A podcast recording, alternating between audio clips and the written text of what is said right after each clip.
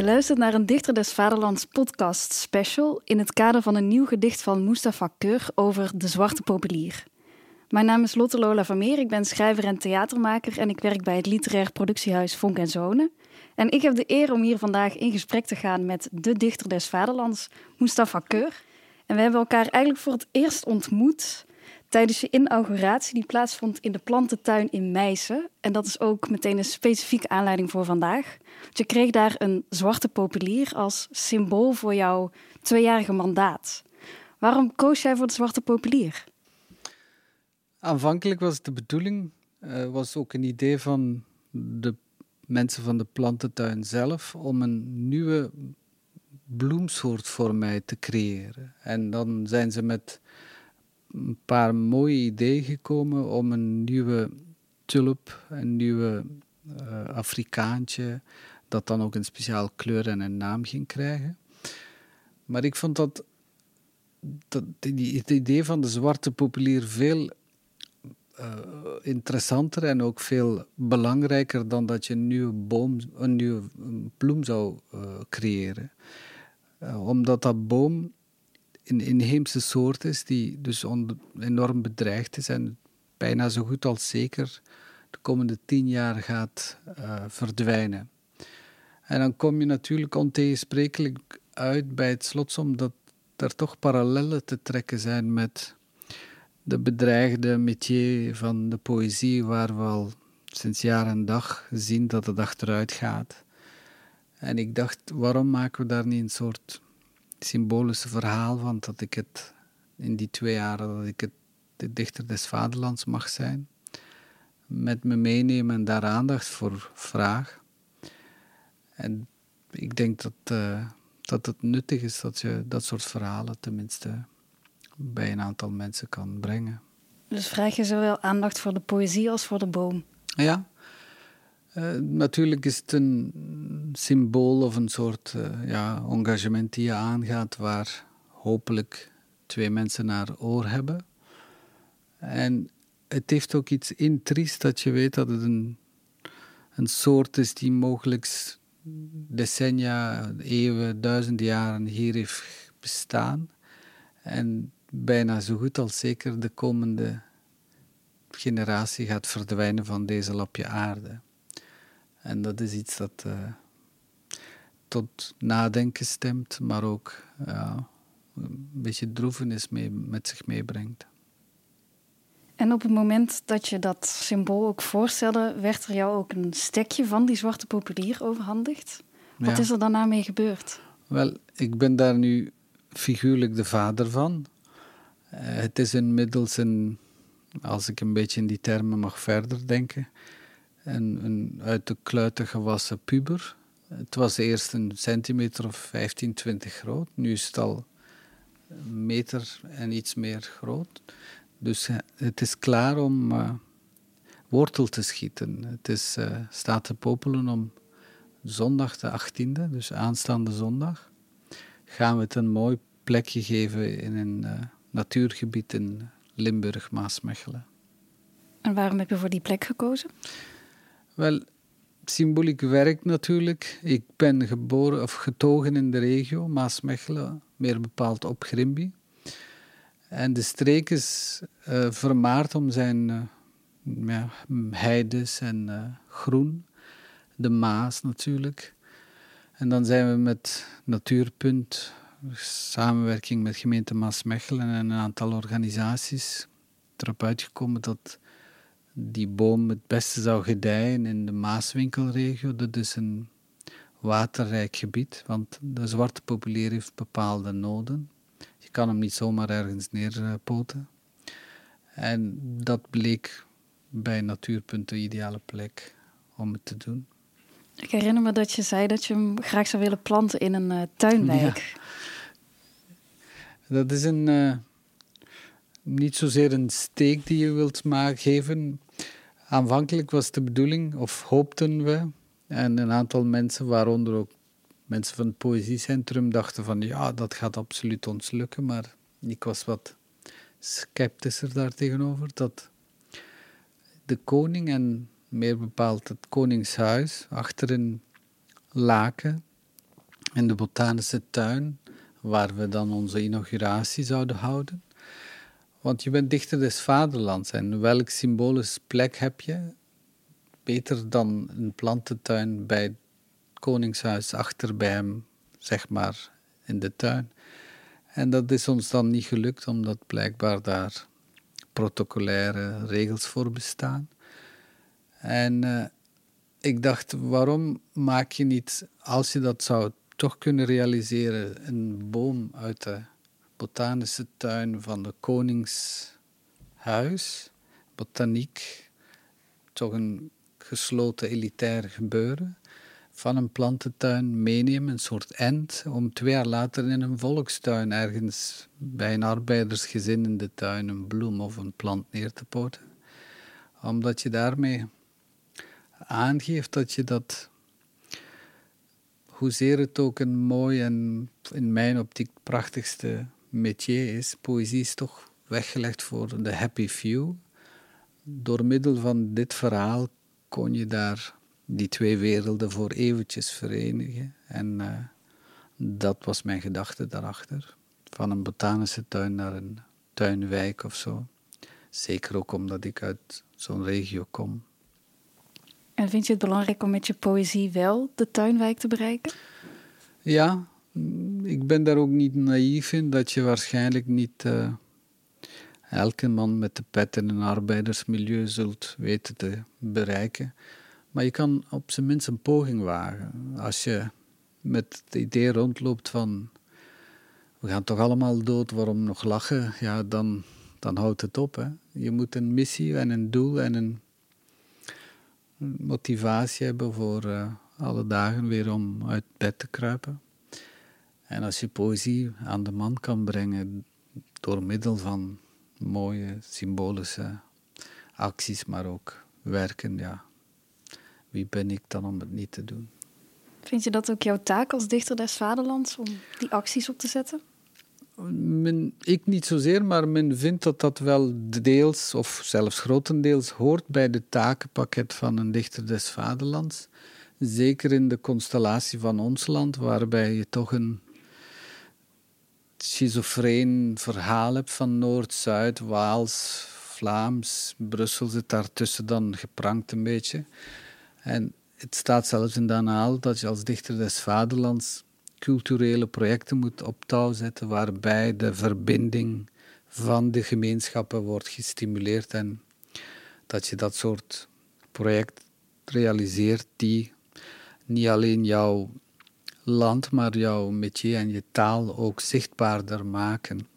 Maar ook daar weer heb je een laag, you scratch the surface, maar daaronder heb je een enorm potentieel uh, mijn waar we amper twee stenen uit uh, ontmijnen.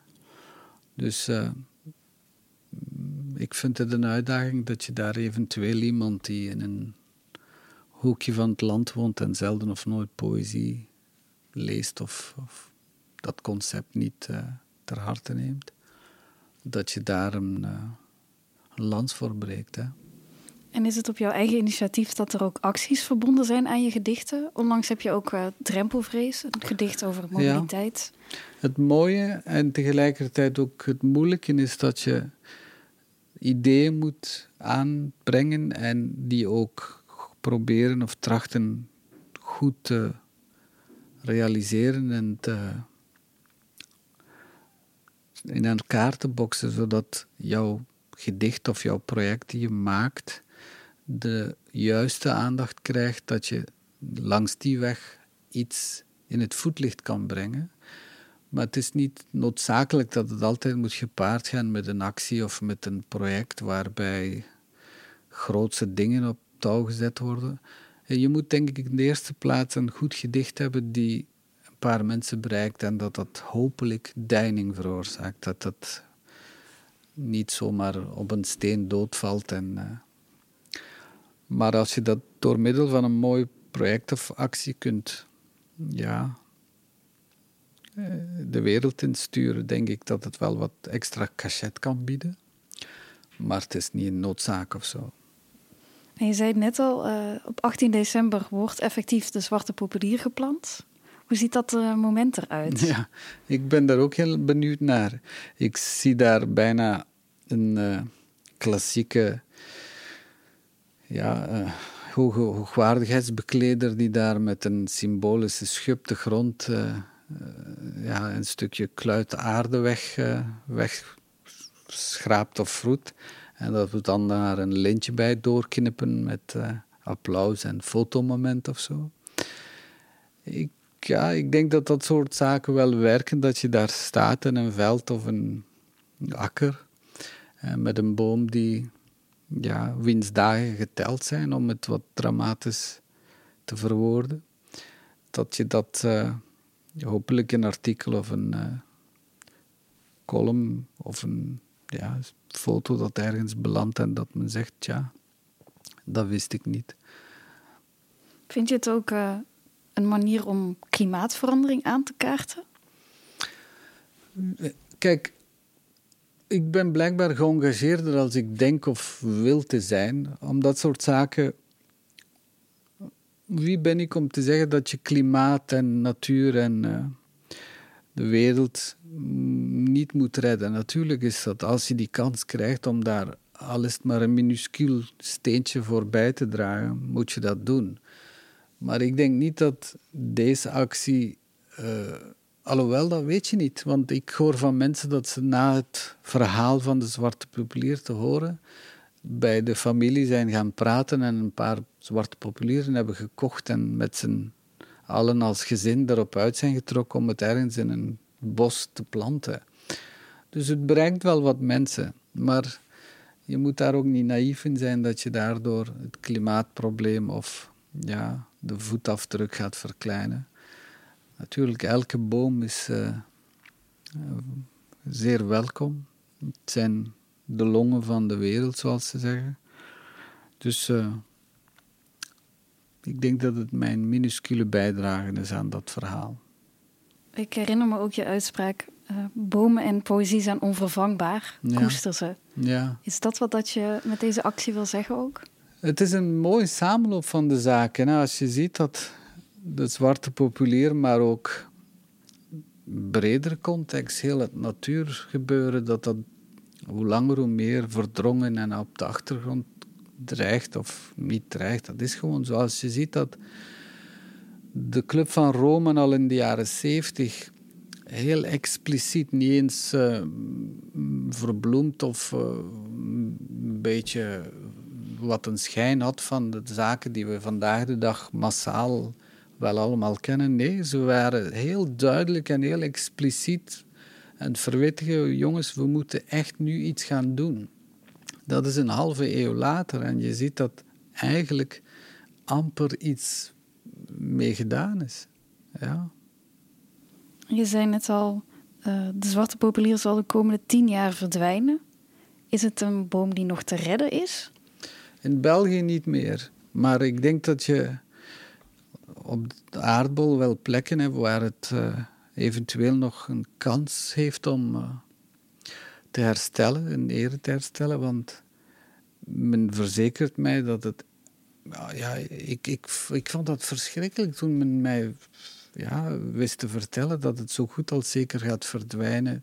10, 15, geen 20 jaar meer. En het is bijna onvoorstelbaar. Je denkt, dat kan toch niet, een boomje wel.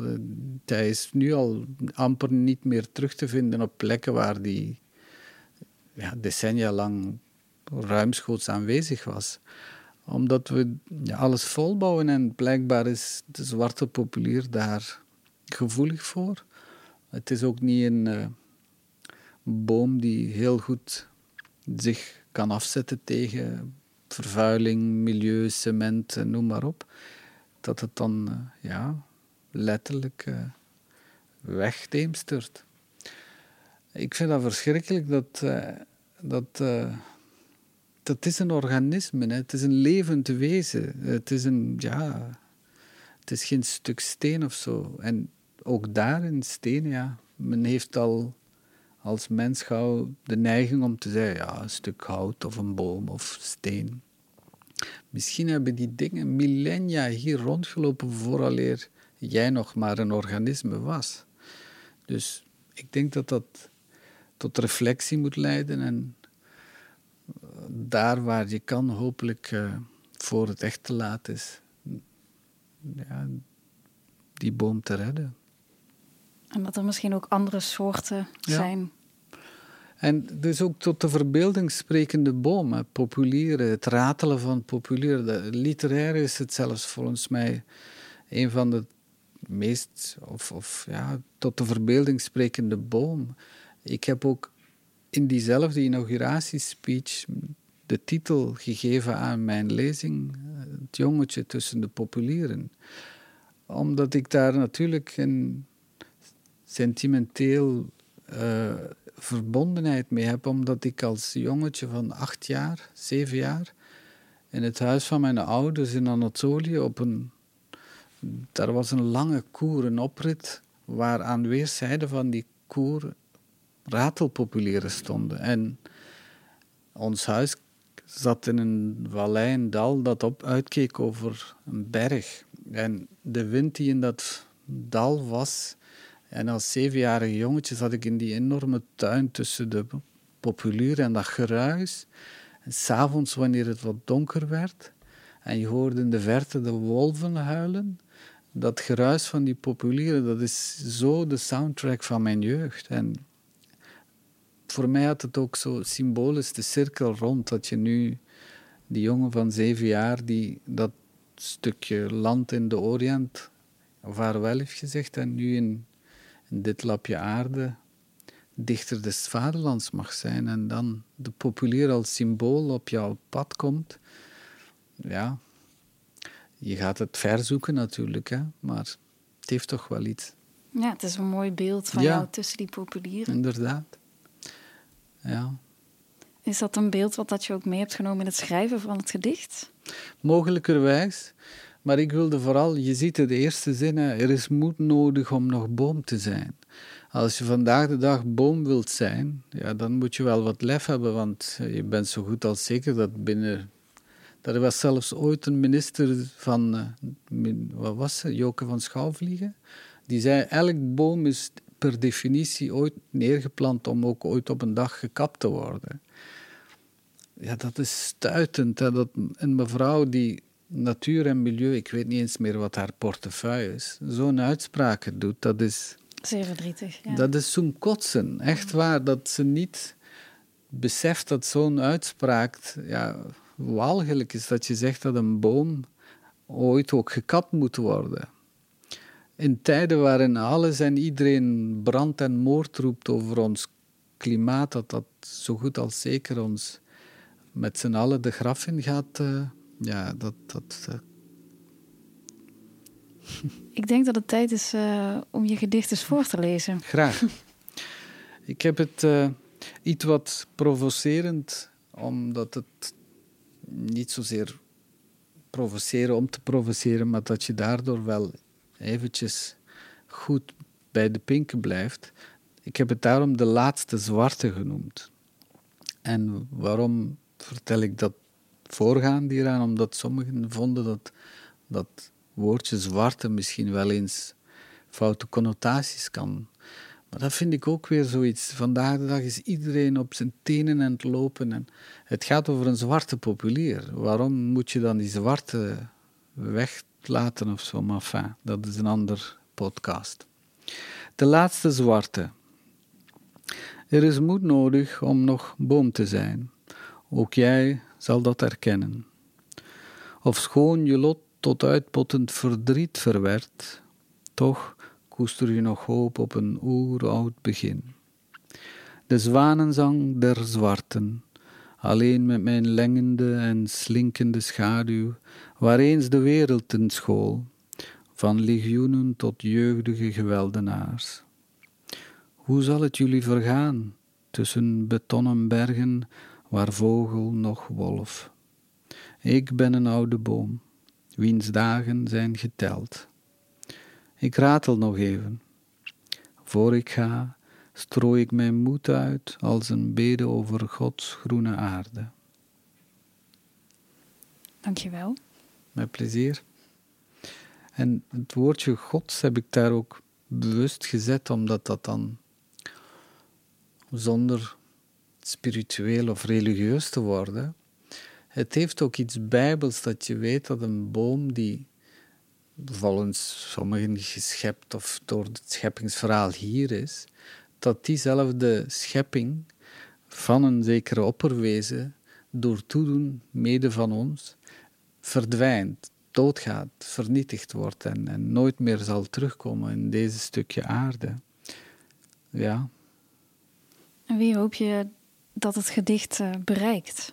Ja, zoveel mogelijk natuurlijk, hè, maar ook er zit ook wel wat cultuurkritiek in, de laatste zwarte. Hoe zal het jullie vergaan? Ook met z'n allen. Voor mij was het ook een uh, in your face, omdat je, wie staat nog stil bij een boom? Veel mensen weten niet eens wat voor boom dat, dat is dat in hun tuin hangt. En dat is niet arrogant of zoiets. Je moet je daar op zijn minst bewust van zijn dat het. Ik zeg niet dat je elke ondersoort van ratelpopulier, zwarte populier, Italiaanse populier, maar. Of een vogel dat in je tuin zit, ja. Men kent het verschil tussen een merel en een spreeuw niet. Dat, ik zeg niet dat je ze allemaal van buiten moet leren en met een verrekijker moet staan welke mees nu welke graan eet of zo. Maar het zegt wel iets als je niet weet wat voor bomen of wat voor fauna en flora in jouw leefgebied aanwezig is. Ja, dat zegt wel iets over wie we zijn, want we eten hamburgers en we dragen de t-shirts van de week en we kijken Netflix en c'est ça. Vind je dat we vervreemden van de natuur? Absoluut. En als je ziet dat bij corona dat soort zaken zo vaak aan bod is gekomen, maar dra het weer terug kon, men business as usual deed. Iedereen heeft wandeltochten en bossen en bergen ontdekt, bij wijze van spreken, maar het is twee jaar verder en we zijn eigenlijk weer hetzelfde aan het doen. Ik heb zelfs ooit gezegd dat het atypisch en onnatuurlijk is dat we niet horizon meer zien. Want ik denk dat dat iets doet met onze psyche. Een mens is niet gemaakt om tegen muren of tegen gebouwen of tegen wat dan ook aan te staren. Je moet de, de kim zien. Want dat geeft u letterlijk perspectief. Als je dat niet hebt, dan loop je op muren, ook weer letterlijk. Daarom denk ik dat, dat het niet normaal is dat we mensen decennia opsluiten, want dan word je een soort beest of zoiets. Uh, en met natuur, ja, ik denk dat als je aarde ruikt, planten en bomen voelt en, en onderdeel van je dagdagelijks leven maakt, dat dat je een rijkere mens maakt. Zonder ja, melig of, of gevleugeld te gaan doen.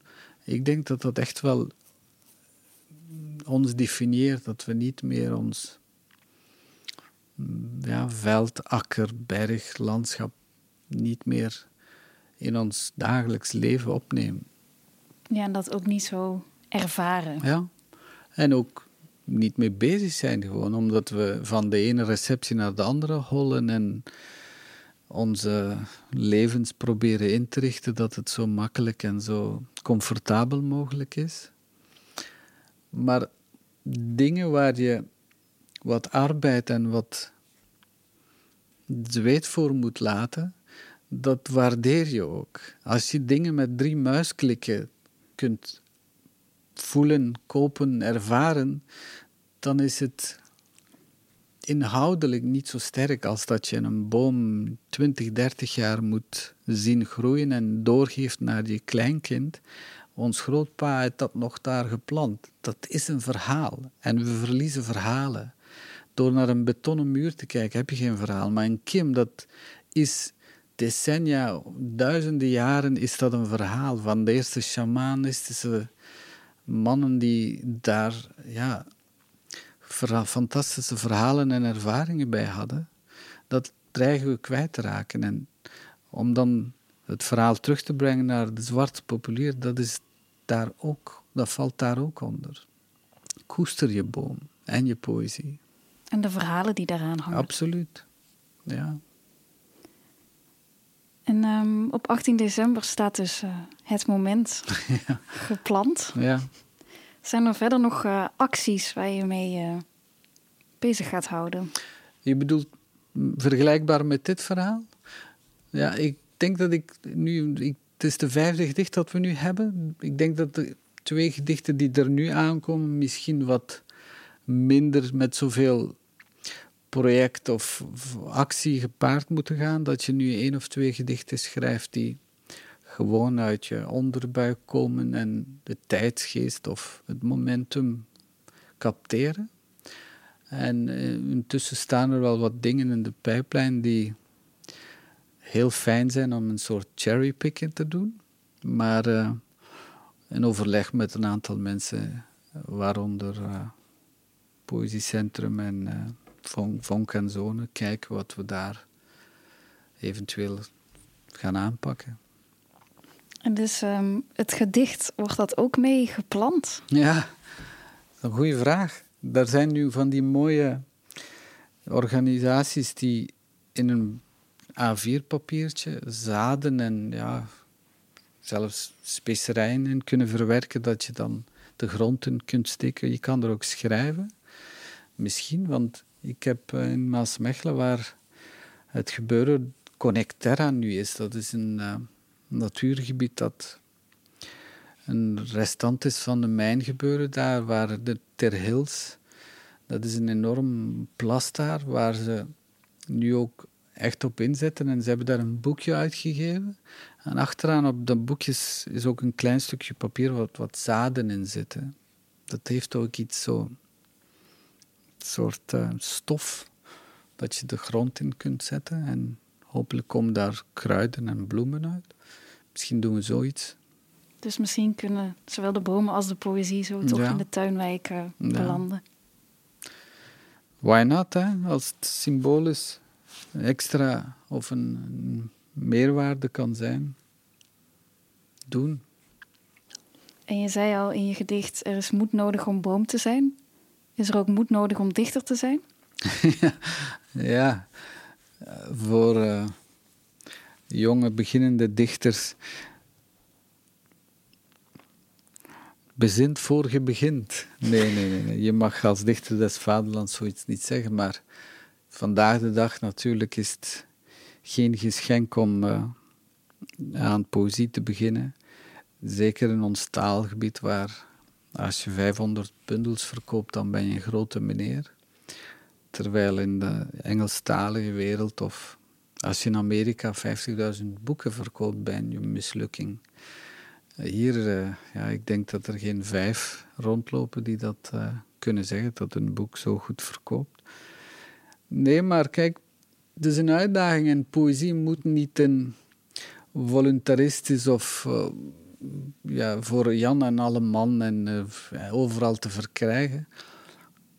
Het is een beetje contradictoire wat ik in het begin zei. Natuurlijk wil je dat zoveel mogelijk mensen poëzie lezen, maar poëzie mag ook iets, iets meer hebben dan uh, de dagsoep, zeg maar. je moet ook poëzie tot je nemen niet uh, tussen de soep en de patatten, maar je moet daar ook eventjes bij stilstaan. Wat bedoelt de man of vrouw hier nu? Doe dat liefst bij een goed glas wijn en uh, twee, drie gedichten per keer. Niet dat je als een soort fabrieksarbeider de ene naar de andere verslindt.